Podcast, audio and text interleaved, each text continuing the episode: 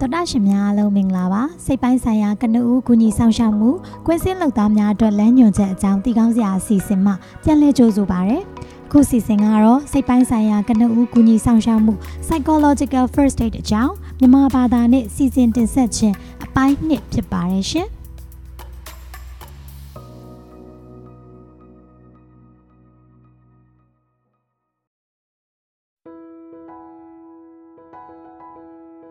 အခန်းနှစ်1လုံခြုံရေးဂုံတိတ်ခါနဲ့အခွင့်အရေးများကိုလေးစားပါစိတ်တော့ခဖြစ်စေတဲ့အဖြစ်အပျက်တစ်ခုကြောင့်လူအများစိတ်ထိခိုက်ခံစားနေရတဲ့ခြေအနေများမှာဖေးမကူညီရန်တာဝန်ယူဆောင်ရွက်နေချိန်မှာမိမိကူညီနေတဲ့လူများရဲ့လုံခြုံရေးဂုံတိတ်ခါနဲ့အခွင့်အရေးများကိုလေးစားလိုက်နာပြီး ဆောင်ရွက်ရင်အရေးကြီးပါတယ်။အောက်ပါအခြေခံသဘောတရားတွေဟာ PFA ပေးသူများအပါအဝင်လူသားချင်းစာနာထောက်ထားတဲ့တုံ့ပြန်ဆောင်ရွက်မှုတွေမှာပါဝင်တဲ့လူတဦးချင်းစီဒါမှမဟုတ်ဌာနများနဲ့သက်ဆိုင်ပါတယ်။လူအများနဲ့ပတ်သက်ပြီးအောက်ပါအချက်တွေကိုလေးစားရပါမယ်။လုံခြုံရေးတင့်ရဲ့ဆောင်ရွက်မှုများကြောင့်အများပြည်သူပုံမှုထိခိုက်နေတာစီမှာကိုရှောင်ကျဉ်ရပါမယ်။ တင်ကူညီနေတဲ့လူကြီးများနဲ့ကလေးများဘေးကင်းလုံခြုံပြီးရုပ်ပိုင်းဆိုင်ရာစိတ်ပိုင်းဆိုင်ရာထိခိုက်နေတာမှုမှာကာကွယ်ပေးရန်အကောင်းဆုံးလုပ်ဆောင်ရပါမယ်။ဂုံတိတ်ခါလူများကို၎င်းတို့ဤလူမှုရေးဆန်ကြီးဆန်ညွှန်းတဲ့အညီလေးလေးစားစားဆက်ဆံပါ။အခွင့်အရေးများလူအများခွဲခြားဆက်ဆံခြင်းမပြုဘဲအကူအညီများကိုမျှမျှတတရအောင်လှုပ်ဆောင်ပေးပါ။လူအများရဲ့၎င်းတို့ရဲ့အခွင့်အရေးများအားတောင်းဆိုရန်အကူအညီများကိုရရှိရန်ကူညီပါ။တင် ကြုံတွေ့ဆက်ဆံနေရတဲ့သူများရဲ့အကောင်းဆုံးအကျိုးကိုရှေ့ရှုရတာဆောင်ရွက်ပါ။တင်လှုပ်ဆောင်ချက်များအားလုံးနဲ့တင်ကြုံတွေ့နေသူများအားလုံးရဲ့အသက်အရွယ်လိင်အမျိုးအစားတိုင်းရင်းသားစသည့်ဖြစ်နောက်ခံအကြောင်းအရာများကိုမြည်တို့ပင်ဖြစ်စေကမူဤအခြေခံသဘောတရားများကိုစိတ်ထဲမှာမသားထားပါဤအခြေခံသဘောတရားတွေဟာတင့်ကြည်ကြည်မှုအခြေအနေအရမြည်တို့အထိပ္ပယ်တက်ရောက်တဲ့ကိုထည့်သွင်းစဉ်းစားပါ ကျင့်ဝတ်စည်းကမ်းများတတ်မှတ်ထားတဲ့အဖွဲ့အစည်းတိုင်းမှာတင်လောက်ကန်ရမယ်သို့မဟုတ်စေတနာအဝင်အနံအဖြစ်လှုပ်ဆောင်ရမယ်တင်အဖွဲ့အစည်းရဲ့ကျင့်ဝတ်များကိုအချိန်တိုင်းသိရှိလိုက်နာပါ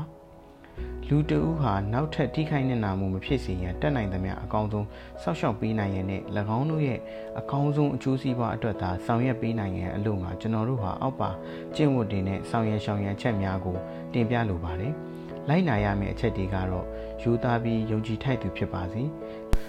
လူအများရဲ့မိမိကိုယ်ကိုဆုံးဖြတ်ချက်ချနိုင်တဲ့အခွင့်အရေးကိုအလေးထားပါမိမိတို့ရဲ့ဗလိုက်မှုများနဲ့မလုံမှုတီးမှုများကိုတတိထားပြီးပေးဖက်ထားပါယခုအချိန်ဟာအကူအညီမလိုအပ်တော့လဲနောက်တစ်ချိန်မှာအကူအညီလိုအပ်ပါကတောင်းခံနိုင်တဲ့အကြောင်းကိုလူအများကိုသိရှာစွာရှင်းပြပါကိုရေးလုံခြုံမှုကိုအလေးထားပြီးလိုအပ်ပါကလူတစ်ယောက်ရဲ့အကြောင်းကိုလွတ်ဝတ်ထားပေးပါလူတစ်ယောက်ရဲ့ယဉ်ကျေးမှုအသက်အရွယ်နဲ့ကြားမှတဘာဝကိုတင့်လျော်စွာပြုမှုဆက်ဆံပါ ရှောင်ကျဉ်ရမယ့်ချက်တွေကတော့ကုညီပေးသူတဦးအနေနဲ့သင်တို့ရဲ့ဆက်ဆံရေးအပေါ်မှာအမျက်မထုတ်ပါနဲ့လူတဦးဟာကုညီပေးမှုအတွက်ငွေကြေးဒါမှမဟုတ်အကူအညီတစုံတရာတောင်းဆိုခြင်းမပြုပါနဲ့မဖြစ်နိုင်တဲ့ဂတိဒါမှမဟုတ်ရင်မမှန်ကန်တဲ့အချက်လက်များကိုမပေးမိပါနဲ့တင့်အရေးချင်းကိုခြေကားမပြောပါနဲ့လူအများအတင်းအကူအညီယူခိုင်းပါနဲ့အနောက်ရှက်ဖြစ်အောင်ဆက်စုခြင်းဒါမှမဟုတ်ဆရာလုပ်ခြင်းများကိုလည်းမပြုလုပ်ပါနဲ့ လူအများအား၎င်းတို့ရဲ့အချောင်းအရာများကိုအတင်းကျပ်မပြောခိုင်းပါနဲ့လူတစ်ယောက်ရဲ့အချောင်းဟာအခြားသူများကိုမပြောပါနဲ့လူတစ်ယောက်ရဲ့လုပ်ရများနဲ့ခံစားချက်အားဝေဖန်ကောက်ချက်ချမှုတွေမပြုလုပ်ပါနဲ့နှစ်သက်သမားနှစ်လူတစ်ယောက်ရဲ့ယဉ်ကျေးမှုကိုထဲသွင်းစဉ်းစားတဲ့အနေနဲ့သင်လှုပ်ဆောင်ရမယ့်အရာတွေကိုလိုက်ရောညီထွေဖြစ်အောင်ပြုပြင်ပြောင်းလဲပါဖြစ်ရဆိုးနဲ့ကပ်ဘေးတစ်ခုဖြစ်တဲ့အခါတိုင်းမှာဘေးသင့်ပြည်သူတွေကြားမှာ လူနည်းစုပဲဖြစ်ဖြစ်ခွဲခြားပြစ်ပယ်ခံထားတဲ့သူတွေပဲဖြစ်ဖြစ်အမျိုးမျိုးသောယဉ်ကျေးမှုနောက်ခံရှိတဲ့သူတွေပါဝင်တတ်ပါတယ်ယဉ်ကျေးမှုလို့ပြောတဲ့အခါမှာကျွန်တော်တို့ကလူများကို ပြောဆိုဆက်ဆံပုံနဲ့ပြောဆိုလုပ်ကင်တဲ့အခါမှာဘေးရာကတင့်ရော်တယ်မတင့်ရော်ဘူးကိုဆုံးဖြတ်ပေးပါတယ်ဥပမာတချို့ယဉ်ကျေးမှုတွေမှာလူတစ်ယောက်ကကိုယ့်ရဲ့မိသားစုဝင်မဟုတ်တဲ့သူတူနဲ့သူတို့ရဲ့ခံစားချက်တွေကိုမျှဝေတဲ့ထုံးစံမရှိပါဘူး ဒါမှမဟုတ်ရင်လည်းအမျိုးသမီးတွေကအမျိုးသမီးချင်းချင်းပဲပြောဆိုဆွေးနွေးဖို့အတွက်တင့်တော်တယ်လို့ခံယူကြပါတယ်ဒါမှမဟုတ်ရင်အချို့ဝတ်စားပုံနဲ့ဖုံးကွယ်ပုံနည်းလမ်းတွေကအလွန်ပဲရေးကြီးနိုင်ပါတယ်။တင်ကတင်နဲ့နောက်ခံရဆိုရင်ဇက်ကြောင်းမတူတဲ့သူတွေနဲ့အလုပ်တူတွဲလုပ်ရနိုင်ပါတယ်။ကူညီပေးတဲ့သူတူအနေနဲ့တင်ရဲ့ကိုယ်ပိုင်ယဉ်ကျေးမှုနောက်ကျောင်းနဲ့ယုံကြည်မှုတွေကိုသိရှိထားဖို့အတွက်လွန်စွာအရေးကြီးပါတယ်။ဒါဒါမှသာတင်းရဲ့ပုံကိုယ်ရဲ့ဗလိုက်မှုတွေကို ဖယ်ထုတ်ထားနိုင်မှာဖြစ်ပါတယ်။တင်းကူညီပေးနေတဲ့သူတွေကိုအသင့်ရော်ဆုံးတဲ့တက်တောင့်တက်တာအရှိဆုံးနည်းလမ်းတွေနဲ့ပဲကူညီပေးပါ။အရေးပေါ်အခြေအနေတစ်ခုစီတိုင်းဟာထူးခြားကွဲပြားနိုင်ပါတယ်။ဒီလမ်းညွှန်ချက်ကိုအသုံးပြုတဲ့အခါမှာဒေတာအလိုက်လူမှုရေးနဲ့ယဉ်ကျေးမှုစံသတ်မှတ်ချက်တွေနဲ့လိုက်ရောညီထွေရှိပါစေ။မတူညီတဲ့ယဉ်ကျေးမှုအမျိုးမျိုးမှာ PFA ပေးဖို့ရန်အတွက်တင်ထဲသွင်းစဉ်းစားနိုင်တဲ့မိကုန်းတွေကိုဆက်လက်ဖော်ပြပေးသွားပါမယ်။ မတူညီတဲ့ယဉ်ကျေးမှုအမျိုးမျိုးမှာ PFA ပေးဖို့အတွက်ပြင်ဆင်တဲ့အခါမှာအခုဖော်ပြမယ့်မိကုန်းတွေကိုထည့်သွင်းစဉ်းစားပါ။ပထမအဆုံးတစ်ခုကတော့အဝတ်အစားကျွန်တော်တို့ကလေးစားတဲ့သဘောတက်ရောက်စေဖို့အတွက်တီးခြားပုံစံတစ်ခုဖြစ်ဝတ်ဆင်မှုလိုမလားဘေးသိမ်းတဲ့သူတွေအနေနဲ့သူတို့ရဲ့ဂုဏ်သိက္ခာနဲ့ထုံနှန်းစင်လာတွေကိုထိမ့်သိမ်းမှုအတွက်တီးခြားဝတ်စားစင်မှုတွေလိုအပ်မလားဒုတိယတစ်ခုကတော့ဘာသာစကား ဒီရင်ကျေးမှုမှာဒလိထုံးစံရလူတွေကိုနှုတ်ဆက်တဲ့အခါမှာဘလို့နီးလန့်နေရှိလဲဘလို့ဘာသာစကားကိုသင်ပြောကြားရမလဲတတိယတစ်ခုကြားမတဘာဝအသက်အရွယ်နဲ့လုပ်ပိုင်ခွင့်ဘေးသင်းတဲ့မျိုးသမီးတွေကိုအမျိုးသမီးကူညီပေးသူတွေကပဲချင်းကပ်တင်သလားကျွန်ုပ်တို့ကတော့ဘသူထံမှချင်းကပ်ရမလဲတနည်းဆိုရရင်မိသားစုဒါမှမဟုတ်ရက်ရွာအတိုက်အဝန်းရဲ့အကြီးအကဲထံကိုချင်းကပ်ရမလားစရုပ်ထားတစ်ခုထိတွေ့ခြင်းနဲ့အဖြူမှု လူများကိုထိတွေ့ခြင်းနဲ့ပတ်သက်ပြီးတော့ပုံမှန်ဒလိထုံးစံတွေကဘာတွေရှိလဲလူတူရဲ့လက်ကိုကင်ခြင်းဒါမှမဟုတ်ပကုံးမှုစုပ်ကန်လိုက်တာကတင့်ရောပါသလားတက်ကြီးရွယ်အိုတွေကလေးသူငယ်တွေအမျိုးသမီးတွေနဲ့အခြားသူတွေကိုဆက်ဆံတဲ့အပြုအမူတွေနဲ့ပတ်သက်ပြီးတော့ထည့်သွင်းစဉ်းစားရမယ်ထူးခြားတဲ့အကြောင်းအရာတွေကရှိသလားပြင်စမတစ်ခုယုံကြည်မှုများနဲ့ဘာသာရေးဘေးရန်သိတဲ့သူတွေကြားထဲမှာဘသူတွေကကွဲပြားနေတဲ့လူမျိုးစုနဲ့ ဘာသာရေးဆိုင်ရာအဖွဲ့တွေဖြစ်မလဲဘေးရန်သိတဲ့သူတွေအတွက်ဘလို့ယုံကြည်မှုဒါမှမဟုတ်အလေးကျင့်တွေကအရေးကြီးလဲသူတို့ဖြစ်ပျက်ခဲ့တာတွေကိုဘယ်လိုနားလည်နိုင်မလဲဒါမှမဟုတ်ဘယ်လိုရှင်းပြနိုင်မလဲအခန်း2.3အခြားအရေးပေါ်တုံ့ပြန်ဆောင်ရွက်မှုနည်းလမ်းများကိုမျက်ခြေမပြတ်စောင့်ကြည့်ပါ PFA ဟာကြီးမားတဲ့လူသားချက်စာနာထောက်ထားမှုဆိုင်ရာအရေးပေါ်အခြေအနေတွေအတွက်ပို့ပြီးတော့ကျေပြန့်တဲ့တုံ့ပြန်ဆောင်ရွက်မှုတစ်ခုရဲ့အစိတ်ပိုင်းတစ်ရပ်ဖြစ်ပါတယ် လူတွေရာနဲ့ချီဒါမှမဟုတ်ရင်ထောင်နဲ့ချီပြီးတော့ထိခိုက်မှုတွေကြုံတွေ့တဲ့အခါမတူညီတဲ့အရေးပေါ်တုံ့ပြန်ဆောင်မှုနည်းလမ်းတွေအမျိုးမျိုးအသုံးပြုရမှာဖြစ်ပါတယ်။ဥပမာအဖြစ်ပြောရရင်ရှာဖွေရေးနဲ့ကယ်ဆယ်ရေးလုပ်ငန်းတွေအရေးပေါ်ကျန်းမာရေးစောင့်ရှောက်မှုပေးတာတွေခိုလုံမှုနေရာအစားအသောက်ဖြန့်ဝေပေးတာနဲ့မိသားစုဝင်တွေကိုရှာဖွေပေးတာ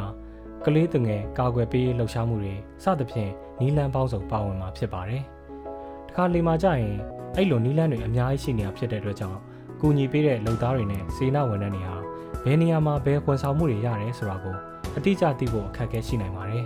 ။အဲ့လိုမျိုးဟာဘလို့အခြေအနေတွေမှာဖြစ်တယ်လဲဆိုတော့အစုလိုက်ပြုံလိုက်ကပ်ပေးတဲ့အချိန်နဲ့ကျန်းမာရေးနဲ့အခြားဝန်ဆောင်မှုတွေပေးဖို့ပြည့်ပြည့်ဝဝအသုံးချနိုင်တဲ့အခြေခံအဆောက်အအုံတွေမရှိတဲ့နေရာတွေမှာဖြစ်လေရှိပါတယ်။ဘလို့ဝန်ဆောင်မှုတွေနဲ့ပံ့ပိုးမှုတွေရရှိနိုင်တယ်ဆိုတာကိုမိမိအနေနဲ့သိရှိအောင်လုပ်ထားဖို့လိုအပ်ပါတယ်။ ဒီလိုသိရှိထားမှသာကိုကူညီပေးနေတဲ့သူတွေကိုအချက်လက်တွေမျှဝေပေးနိုင်မှာဖြစ်ပြီးတော့လက်တွေ့အကူအညီတွေဘလို့ရယူနိုင်တယ်ဆိုတာကိုလည်းပြောပြနိုင်မှာဖြစ်ပါတယ်။ဖြစ်ရဆိုအခြေအနေတစ်ခုကိုတုံ့ပြန်ဖြေရှင်းမှုပြင်ဆင်တဲ့အခါတိုင်း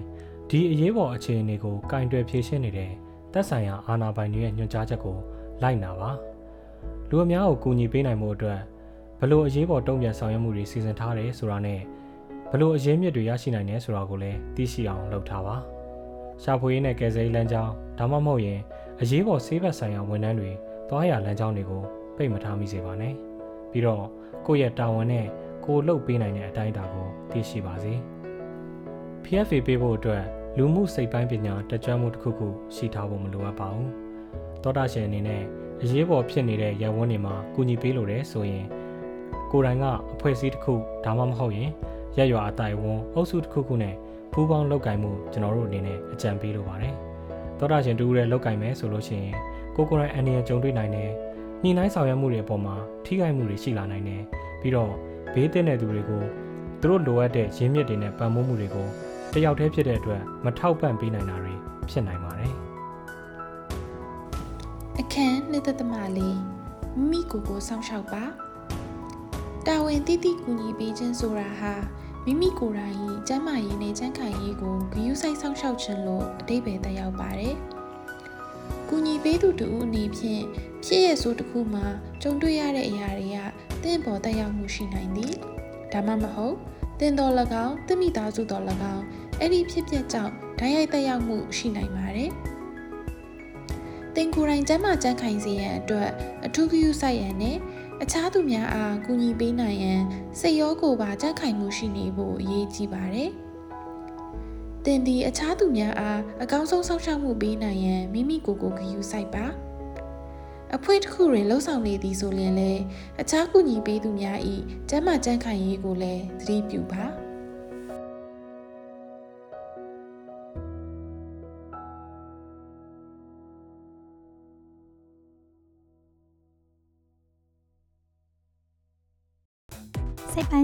ကနဦးကူညီဆောင်ရှောက်မှုကွင်းစင်းလုပ်သားများအတွက်လမ်းညွှန်ချက်